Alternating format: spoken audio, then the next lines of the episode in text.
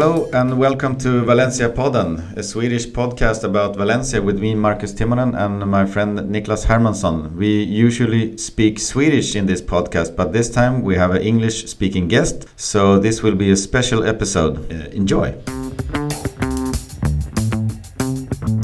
Okay, so today we're very happy to have a very special guest with us on our podcast. We have the Valencia guru, Paco Polit. Very welcome to Valencia Podden, Paco. Hi, Nicolas Marcus. Uh, nice to be with you here in this podcast. Great. So, uh, I think that uh, many of our uh, li li listeners already know who you are, a Spanish journalist with a passion for Valencia, of course. Uh, but maybe you can uh, tell us a, a, little bit more about yourself. Well, you know, uh, journalists are not very used to talk about themselves. Okay, uh, most of the time the, the, main the main news are related to football teams, or in this case, uh, Valencia. Uh, I've been a journalist for 12, 13 years, more or less, and uh, I've always uh, been lucky enough to uh, um, be involved with uh, Valencia, Levante, also Villarreal, uh, talking about uh, the team, covering all of their training sessions, obviously big matches, big games, and also with appearances in, in TV shows, in radio stations here in, in Valencia. So that's it regarding myself, and also, well, if I could speak about how to um, enjoy or how to uh, engage with uh, different conversations in uh, in my social media. Uh, you can find me yes. in Spanish, obviously, in at uh, Paco Polit. Obviously, the banter is going to be in Spanish. It's going to be very interesting, but in Spanish exclusively. And if you prefer uh, to talk in, in English and to have conversations in, in English, you can find me at Paco Polit ENG from English, okay? And finally, I would like to uh, put forward this uh, new project we are involved right now. Very exciting project with many top names in in European uh, journalism, such as uh, David Garrido. Okay, he works in Sky Sports.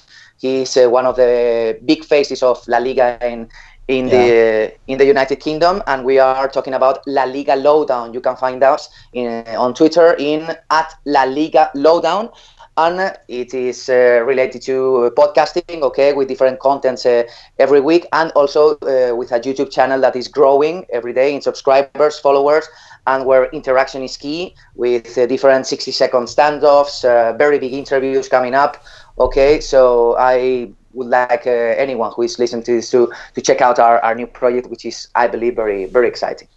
Let's begin with some questions yeah, you know, Paco, we had uh, actually Joakim Björklund on our podcast as a guest here before. Uh, what is your uh-huh. memories and uh, thoughts around this uh, Swedish uh, Viking?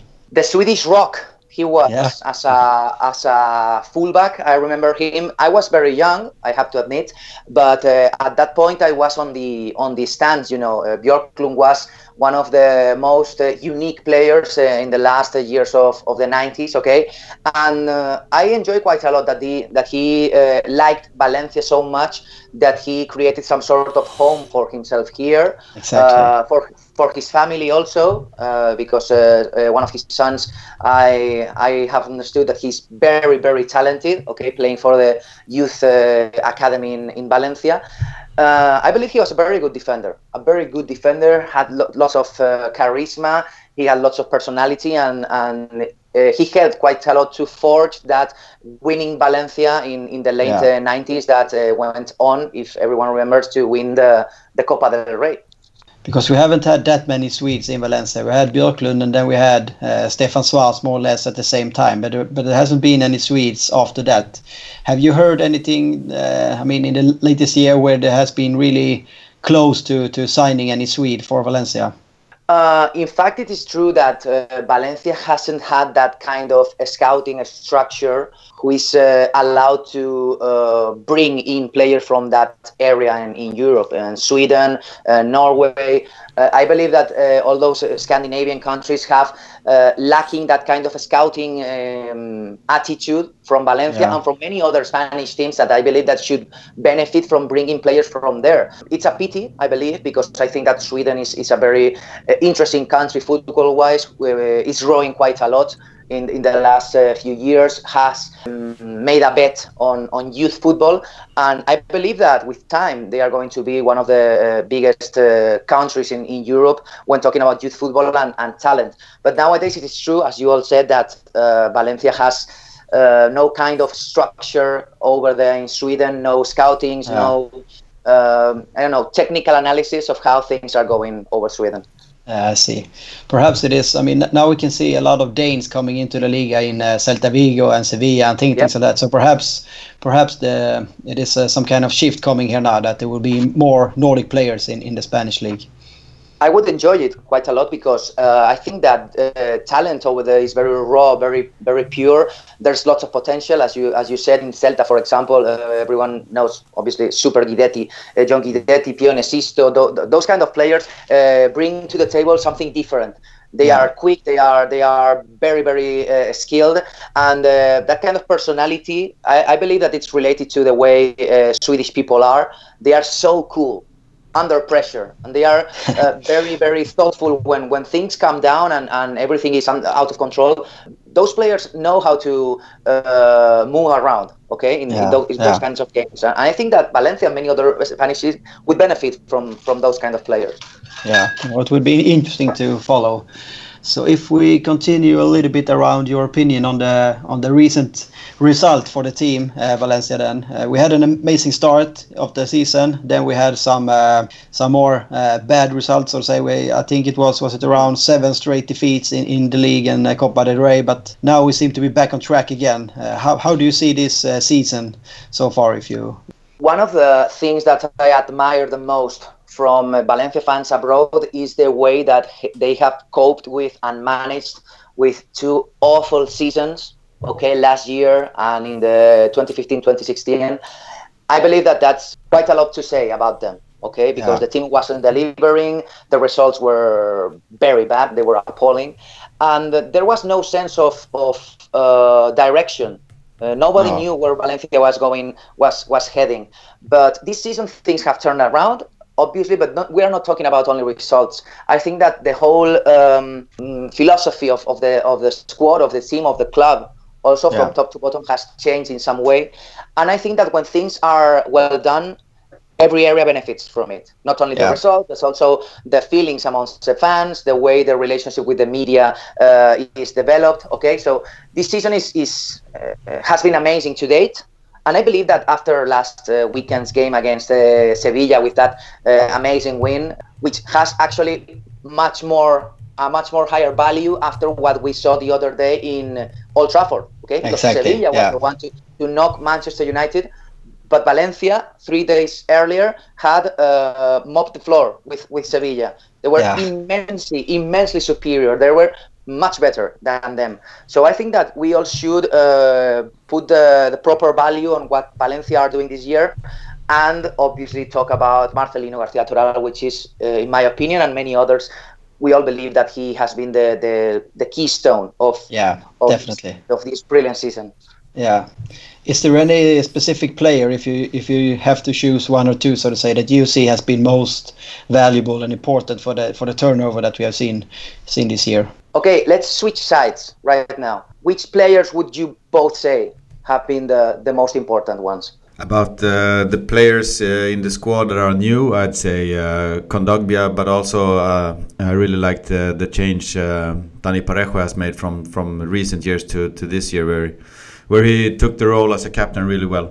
Yeah, for okay. me, I mean, if, if we only look at the the first uh, 15 uh, games or so, I would uh, definitely have said uh, Guedes, of course, since I think his injection with, with, with, the team, and it was more or less to see to see some of the old uh, Valencia star players like Vicente or uh, Piojo or something like that when he was running down the the, the, the wing, so to say, but then he had his injuries, and uh, I mean the last games. I think Kondogbia also has been uh, amazing. Okay, so the list goes the rundown: Kondogbia, uh, Parejo, Guedes. Obviously, I, be, I also believe he's been the best winger since since Vicente, uh, yeah. the most differential player in that sense. But if I had to add one of them uh, to to this pack of, of players, uh, Rodrigo obviously because the yeah. the way he has he has been able to turn around such a complicated matter uh, related to his performance because his first three seasons weren't uh, good seasons. Okay, he didn't deliver on top No. of the pitch, but this year something has clicked. He has begun scoring. I believe that ha- that has been the, the main the main uh, change. He has uh, got that confidence of the of the striker uh, who begins uh, the season scoring, and that kind of uh, momentum has been uh, kept until until nowadays. Rodrigo, Parejo, uh, Geoffrey Kondogbia. Uh, also, I have to talk about Jeison Murillo Yeah. and Neto in, in the goal. In the goal, Yeah. he has been so brilliant. Uh, being right now called with the Brazilian team, uh, you know that was a, a breaking news two days ago. Uh, Neto is going to the to the national team only one season after he spent many years under uh, Buffon's shadow in, Exactly, in Juventus. Yeah. So No, I- uh, that that talks uh, quite a lot about how impressive have most of the players been this year. And uh, once you start counting all of the names we've we've given, six, seven names, most of the uh, starting lineup uh, is on our list. So Yeah. I believe that the team, whole team, has to be praised for for this year. Yeah, no, I, I totally agree with you, and, uh, and for me as well, I think Rodrigo is the most. Uh, I think he is the uh, forward uh, that is complete, so to say, and I think that many of the goals that both uh, Yeah. Santi Mina and Zaza scores is due to that Rodrigo is really smart in his play and his runs and things like that. So he creates a lot of uh, space for, for the other attackers as well.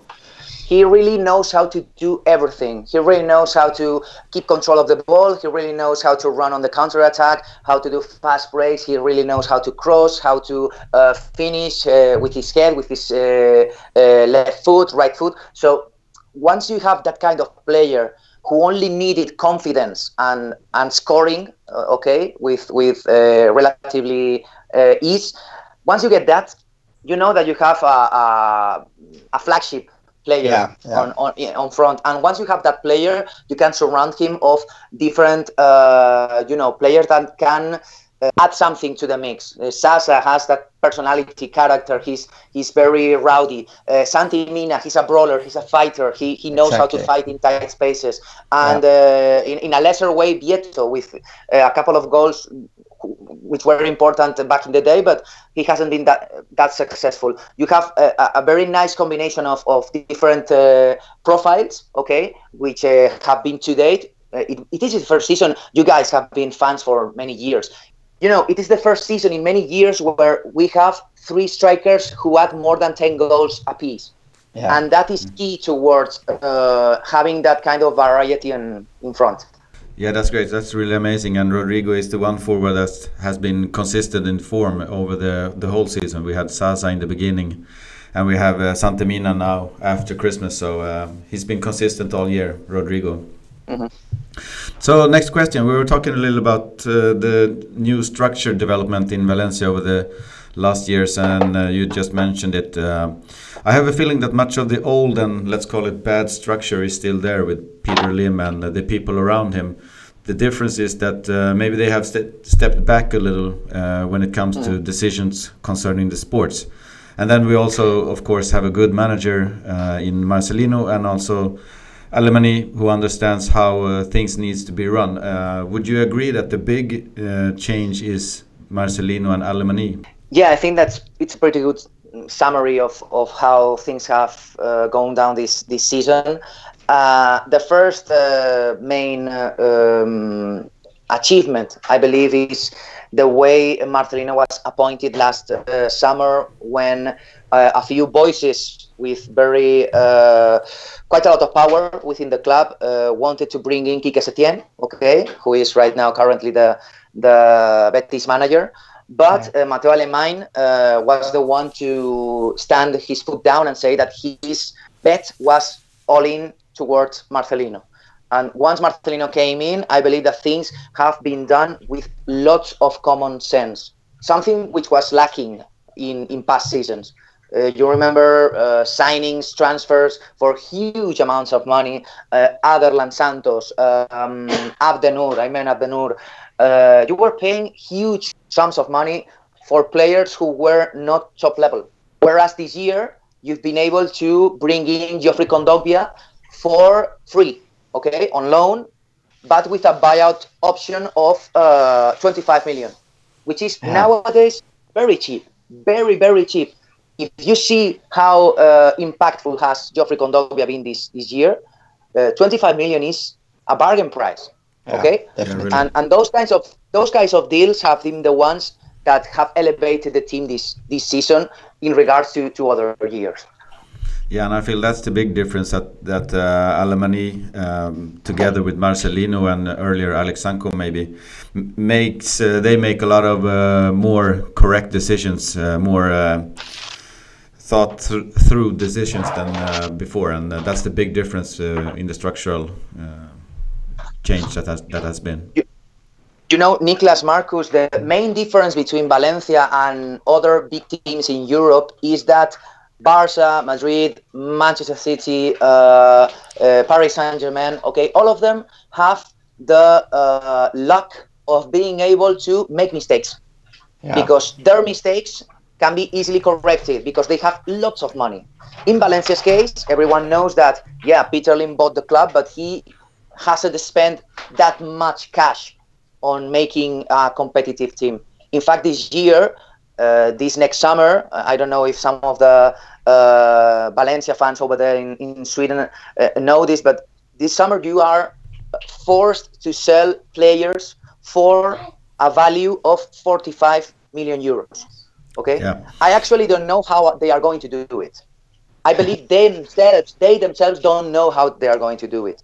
No. We are thinking about maybe big offers for I don't know José Luis Gaya, uh, Parejo, uh, Garay. Okay, big players. Uh, even uh, Guedes. Maybe you are able to buy Guedes, but then uh, immediately resell him for a bigger uh, number or a larger sum. Okay, so that is going to be tough because Valencia hasn't got that that uh, uh, margin of, of error. They, they can ma- make mistakes. Valencia isn't allowed to make mistakes in the transfer market and with those kinds of decisions that you talked about earlier.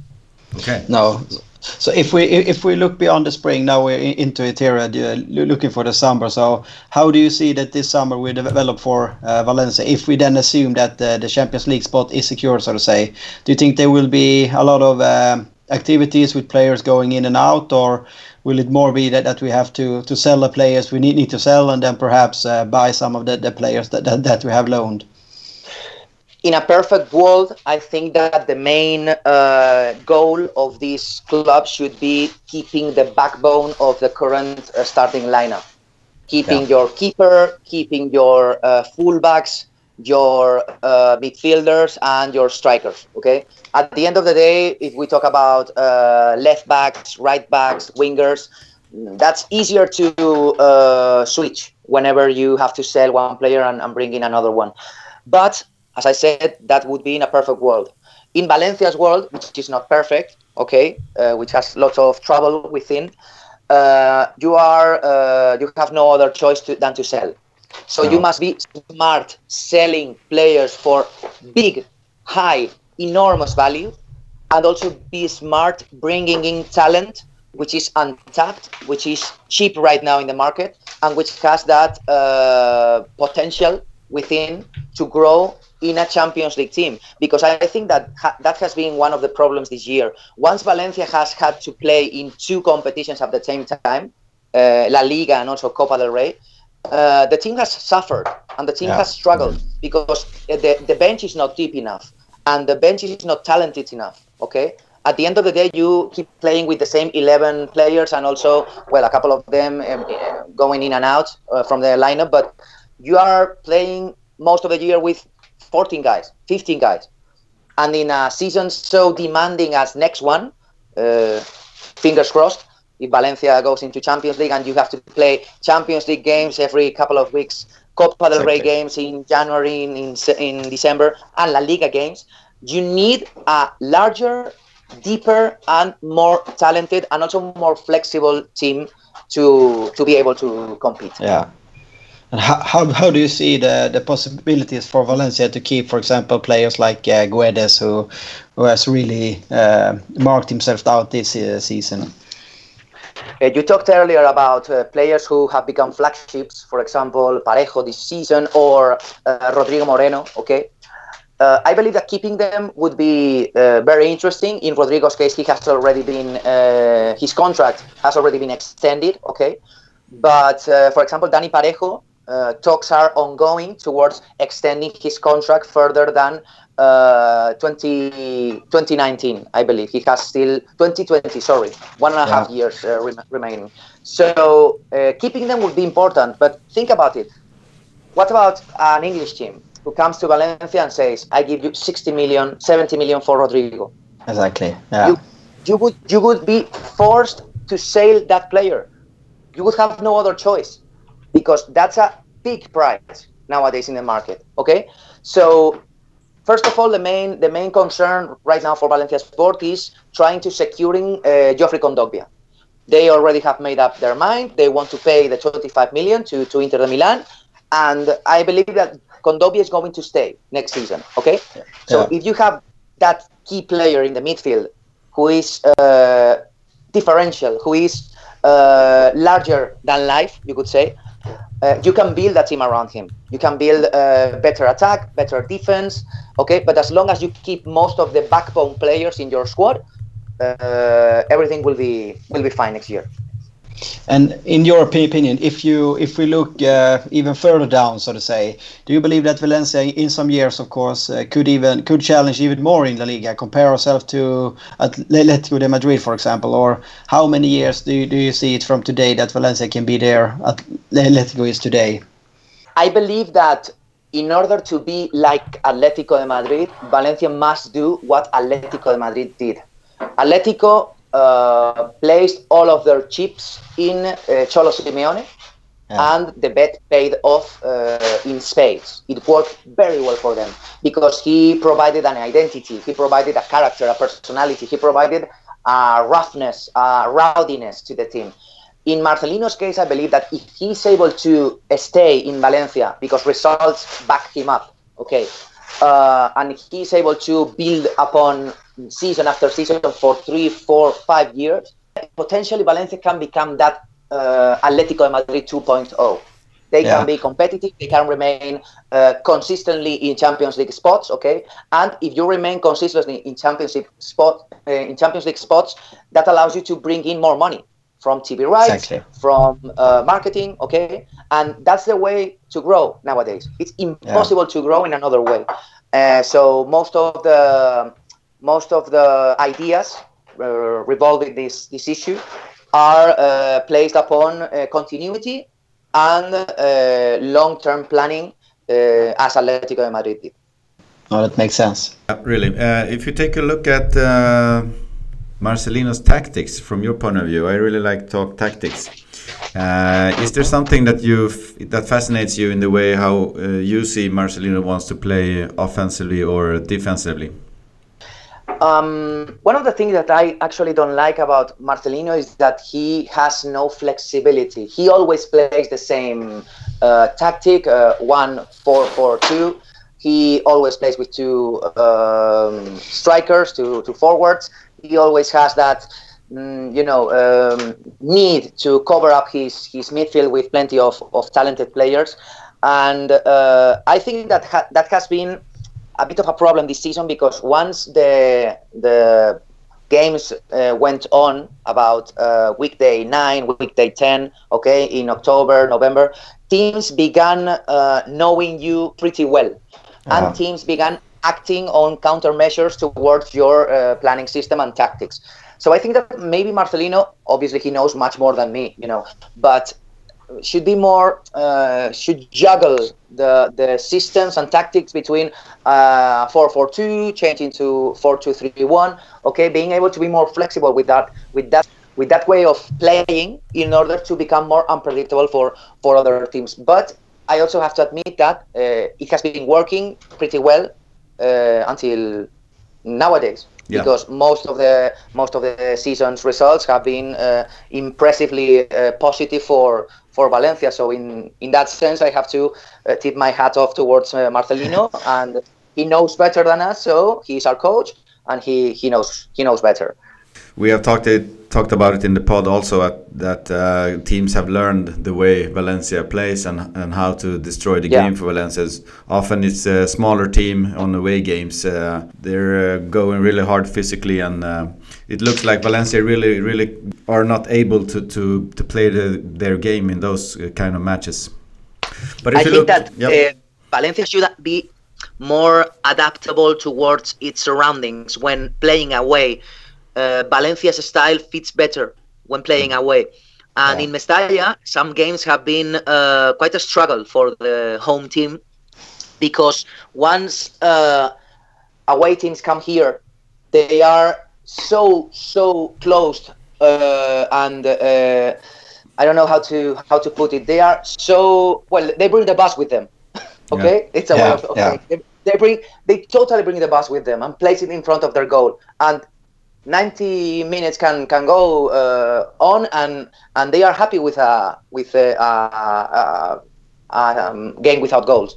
So valencia needs that kind of uh, different spice when playing home in order to open find the key and open these uh, teams that come here to uh, in spain in valencia you call it barraca you know you place the barraca in front of the of the goal. It's very similar to say to place the, the bus in front of the of the goal. And i think that's one of the challenges towards this next year. We are now almost two thirds into the season. And how far would you say uh, marcelino has gotten on his way to with the tactics? If you look at how how how far he have, has come close to the, the the final product tactically having in mind that tactics I, is a thing that mm. has to always be developing over time. But uh, he's always evolving on his uh, style, but especially trying to perfect the the counter offense, uh, being able to snatch the ball on very far on, on the pitch, very high pressure, okay, of the of the strikers, and if you uh, get the ball and recover it, you are able to go on the counter offense very very quickly and make fast breaks. I think that Marcelino would enjoy having a larger uh, pool of talent in the midfield in order to be more, even more direct, even yeah. more direct play style that he already has, because he's got pinned down the the main problem last year, which was the defense. Uh, yeah. Defense-wise, Valencia has uh, excelled this year. Uh, Neto has been very important, obviously, because he's the keeper and his saves have have awarded Valencia with many points. But also the the the couple of of um, fullbacks, Murillo, Garay, uh, to a lesser extent uh, Paulista. He hasn't delivered quite quite so much, quite as much as, as his teammates. Uh, Gaya, in my opinion, Gaya is very criticized here in Valencia there are many fans who don't like the way he defends or the way he performs. I believe Jose Luis Gaya is delivering terrifically this year. He has uh, improved quite a lot uh, on the defense uh, side of things, and at the same time, he hasn't uh, stopped being a, a, a great uh, player on the attack. So uh, maybe the left, the, the right flank is the weakest, yeah. the weakest link yeah. nowadays with Montoya uh, Beto when he has played over there. Paulista played the other day in the in the right back. So I think that maybe that's one of the first transfers that need needs to be done next next season to bring in uh, a complete, uh, reliable uh, right back who can uh, deliver the goods in, in the Champions. Do you believe that Gaya will stay, or do you believe that he he could be one of the players that we need to sell in order to get the 45 uh, euros in? I I'm lucky enough to have some kind of insight in, into that matter. I I happen to know uh, the players' uh, environment, family, friends. Gaya is very yeah. happy playing in Valencia yeah. because he is very down to earth, a very humble guy. He has always dreamed about playing for Valencia because it's his team. Okay. Yeah. But at the same time, I think that he knows, and also people in the club know that he's one of the most um, tantalizing. Um, I don't know how to put it. He's a, a very interesting player in the market exactly. right now. Yeah, very attractive. No, not so many uh, left uh, backs who are able to defend properly, who are able to uh, go on the attack, who are able to cross uh, onto the box. I think that since uh, Jordi Alba, who is nowadays a total beast because he plays in one of the best teams in the world and he plays next to Messi. Okay, playing with Messi uh, makes you better you don't need much yeah.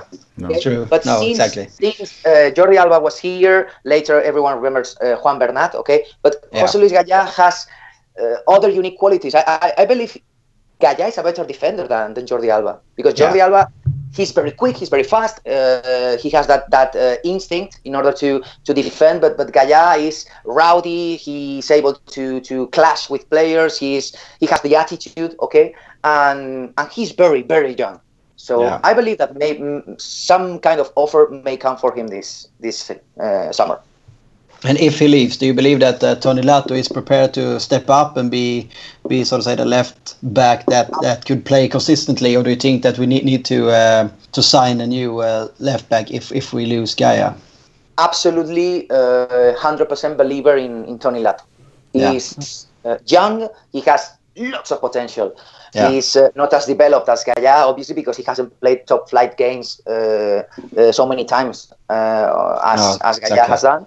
But uh, he has lots of potential, lots of potential, and he is very disciplined uh, in in the defense uh, in the defense area, and he's pretty well also also in the in the attack. Uh, maybe some kind of of uh, left back should come in order to give him the, the relay and be able to switch positions with him once the, the season becomes more demanding. But Yeah. I have 100% confidence in, in Toni Lato and uh, write down this name, uh, Alex Centelles. Okay, he's a 19 Exactly. year old.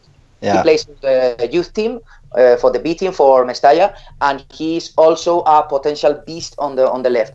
He also has a better physique than Gaya, Jordi Alba, um, uh, Bernat, or Toni Lato. All of them have something in common. They are very very small, Yeah. very small, True. very very petite, also very strong physically, but but small. We talk about height. Uh, Alex Centelles is not. He's uh, I believe he's uh, I don't know. He's he's he's large. He's big, and he also is very speedy. He he's very quick. So that is a name that we should write down, and maybe in a couple of years you can listen to this podcast and say, okay, Paco was right. I hope to be Exactly. right. Yeah. I hope to be right. We have a great is something- tradition of left backs. Exactly. There is something with uh, Valencia and uh, left backs. It's the Must be Car- orange, orange juice, maybe. exactly or the Carboni effect or something. Yeah.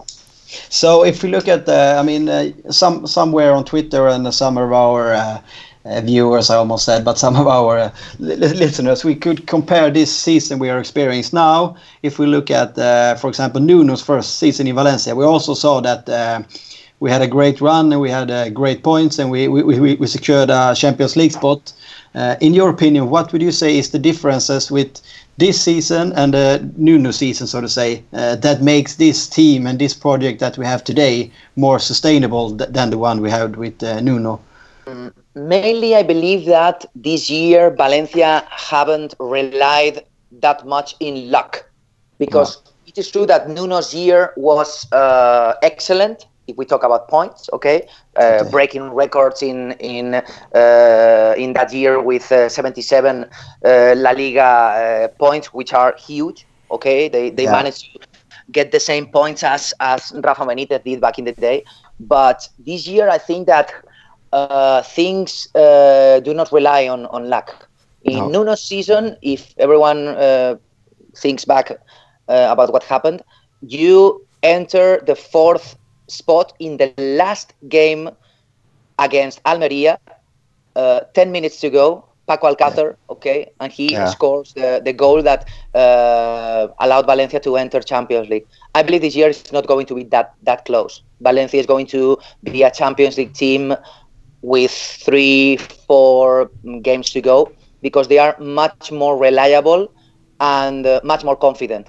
Uh, Yeah. Nuno's Valencia had a few months at the end of the season in March, April, June, uh, sorry, March, April, and, and May, where they lost quite a lot of games. And um, this year, I think that Valencia, especially at home in Mestalla, they are going to win, if not all of them, most of them. And for me as well, I mean, this year has been some kind of uh, coming back to the DNA or something of Valencia. They're, they're, playing Yeah. like uh, Valencia did in the beginning of the 20th century when we had all our titles and uh, our run in European competition. So that is also why I really like this uh, season in that, that that way. That it seems like we're playing now like Valencia should be playing, or, or how to put it.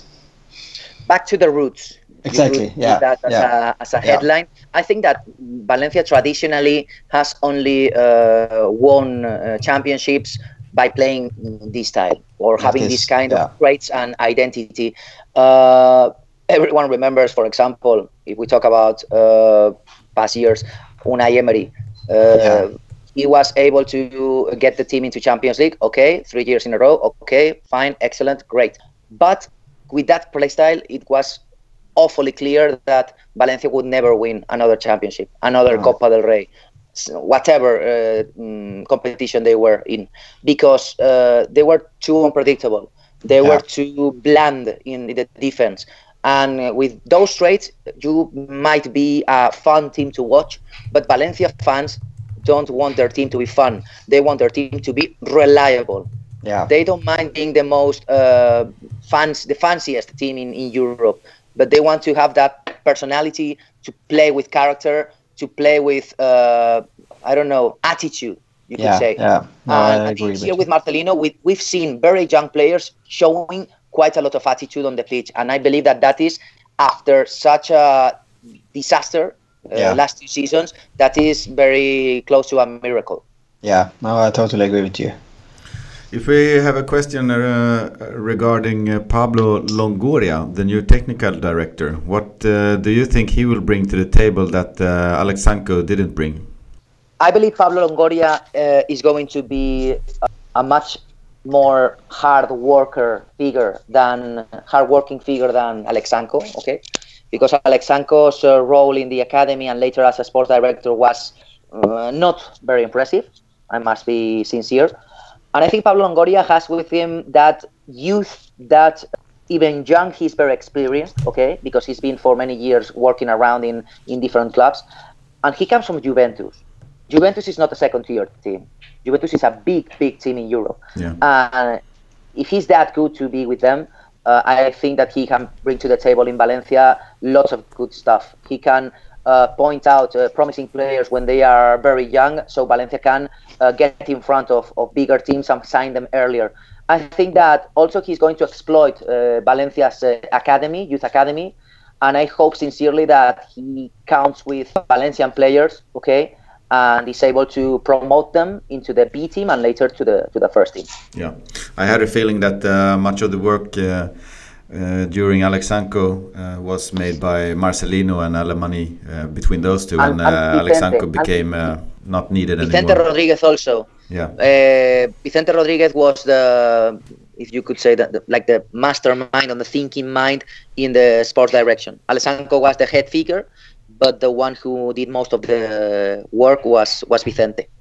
Yeah, we also talked about it in a podcast uh, earlier. I think it was uh, Niklas who suggested it that maybe this time around it more is uh, Marcelino making an order to uh, Pablo Longoria. I need a right back. Please give me some names, and then he goes to work. Yeah, out, out yeah, that is, that is going to be very similar to the final process. Okay, Marcelino obviously is uh, producing very good results, and that is uh, the best uh, way to back his uh, claims or demands towards uh, players this this summer. If Marcelino didn't win games, uh, he wouldn't get any players, okay? Because yeah. the management would say, well, you don't know what you are doing, so you are not going to have what you are asking for. I think that this summer, Marcelino is going to be very pinpoint targeted focused okay in specific players and yeah. that he is going to try and use that Pablo Longoria connection. He's going to try to use the uh, the connections he has in the football world with his agency, with Mateu Alemany, in order to lure in these players, these big names, okay, and uh, try to reinvigorate and, and strengthen the the squad because Marcelino is the first one who knows that uh, the current state of the squad is not enough. It's not yeah. good enough yeah. to, uh, for a three competition season like next year. Interesting to hear. Uh, from time to time, we are reading articles about uh, Nou Mestalla, and it seems that uh, yep. nothing ever happens. Uh, at the same time, the concrete structures cannot stand sun and rain forever and will eventually have to be torn down if their construction doesn't uh, start in a few years. How do you think the project will go forward, and uh, if it ever will?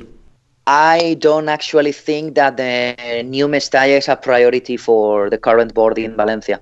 I think that uh, for them it's a pestering issue that blocks most of their ideas towards the sport side of things. And uh, the new Mestalla is a problem. Uh, the Porxinos uh, issue you know, of the new um, training grounds, uh, which were going to be built in a in a place called Ribarroja, very close to Valencia. Uh, that project never went, uh, never got to fruition, and now Valencia has to pay a, um, how do you say, a, a fee to the to the local government. Okay, Porxinos is a problem. The new Mestalla is a problem. Uh, Brussels, uh, the European Union, uh, with its sanction, is a problem. So I don't really think the new Mestalla is going to be uh, finished in in the in the short term. I believe that we are talking about three, four, even five years. I, I know that the the club, the Valencia's board, talked about the possibility of uh, beginning the the the works in the in the structure uh, in 2019 okay but i think that it is due to remember everyone that Meriton's and Peter Lim's offer included the finishing of the new Mestalla for yeah. 2019 yeah. the year of Valencia's centenary okay exactly. 100 years old historical team but that is not going to be to be done and I think that people should criticize uh, Meriton and Peter Lim for not for not saying the truth and not keeping their word. Yeah, and I mean, especially for not having a plan. I mean, it, it's yeah. always easier to understand uh, some decisions, uh, even if you don't agree with them. But then at least you can understand. Okay, so there is a plan. It will be finished in in 2025 or anything. But now it seems to everything is just quiet around it. Uh, yeah. But uh, I mean, how how do you see it? For me, it's a little bit mixed feelings as well with, with the new stadium because I mean, the original Mestalla, of course, is a, a, lot of history and it's a lot of passion and memories and things like that. And how do you see? So of say leaving old Mestalla and coming to a, to a new and more modern uh, stadium that, that looks like everybody else more or less. I also believe that the new Mestalla wouldn't be able to uh, be at full capacity for many many years. Currently, Valencia's uh, fan base uh, is uh, made up of 35, 38,000 strong every yeah, single game in Mestalla. Uh, the new stadium has approximately double the capacity. So I don't really know if having a, a, half empty or half full stadium is positive for, for a team as, as Valencia. New Mestalla was idea of, of another another age, yeah. if you want to put it that way because when it was planned originally and began building, uh, we're talking about 2005, uh, things were different in Spain. Uh, yeah. There was no economic crisis. Uh, things were uh, pretty good uh, in the in the economic side of things, and people had money. yeah. People had money, and there was a list. Listen to me, a list for fans who wanted to become season pass holders in the new Mestalla. That list oh, slowly disappeared as yeah. years went by, and uh, nowadays we we even have trouble to see Mestalla full in regular games. So yeah. I don't really know if it's a bad idea to to move to the next uh, to the next stadium because I like Mestalla quite a lot. The yeah. traditional, old, if you want to put it that way, but I think it has lots of character. Yeah, no, I totally agree with you. Back then, uh, Valencia also had two Champions League finals and uh, we yeah. in La Liga just recently, so it was really another time. And uh, nowadays, I feel uh, the old Mestalla uh, is uh, one of the strengths of the club, playing at home in front of yeah. that crowd. No need to build. We must realize one. how we must realize how things have changed. The original New Mestalla project was conceived 15 years ago time flies you know. yeah. i was yeah, I, I, was younger 50 years ago. Everyone was younger. But uh, looking at things nowadays i like mestalla how it is, and I, and I wouldn't change it for for a new stadium. Oh, oh i think we all agree there. Yeah. So we're coming down to the final question. Uh, paco do you believe that valencia could challenge for the third place this season, uh, having in mind also that uh, Real Madrid probably will go all in for the Champions League this spring, or do you think that the fourth place and uh, securing a Champions League spot will be good enough? I think that uh, once Valencia has nothing short of secured its uh, Champions League spot because uh, 11 point difference with 30 points to go is more than enough over Sevilla. Yeah. I think that Valencia should strive for excellence and try to, to become third because Real Madrid, as you say, is going to uh, focus all of its energies in, in the Champions League. Uh, it's their only way of, of saving a, a disastrous season for them in yeah. La Liga, in Copa del Rey. So uh, why not? I think that Valencia has the, the, the, talent and the and the capability to to finish third this this year. Well, let's let's really hope for that. That would be a really really nice uh, end to a fantastic uh, season, both to, to secure a Champions League place and also to to beat Real Madrid in, in the in the table, so to say. Yeah, that would be and great. at the same time, I also I also want to add that I think that if uh, the third place is uh, seized, I think that in order to achieve it, Valencia will have to break the point record, the, the standing point record, and I think that uh, getting more than 77 points is, is going to be very very impressive if uh, Marcelino and and his lads uh, manage to do it. Yeah, no, I totally agree with you. So, Paco, thank you very much for your time and for t- being part of our podcast. It was an absolute honor for us to have you on as a guest, and uh, we hope to hear from you soon again in the Valencia Podden. And we also uh, hope to see you guys when you come over to, to Valencia to enjoy a game. I know that there's a huge fan base over there in, in Sweden. And as you all know, we, we enjoy quite a lot when we see uh, fans abroad enjoying Valencia games, enjoying uh, Valencia banter and debate, okay, and, Yeah, and, yeah. and living passionately with, with these Valencia colors. So thanks very much, Niklas and, and Marcus, for, for your kind time.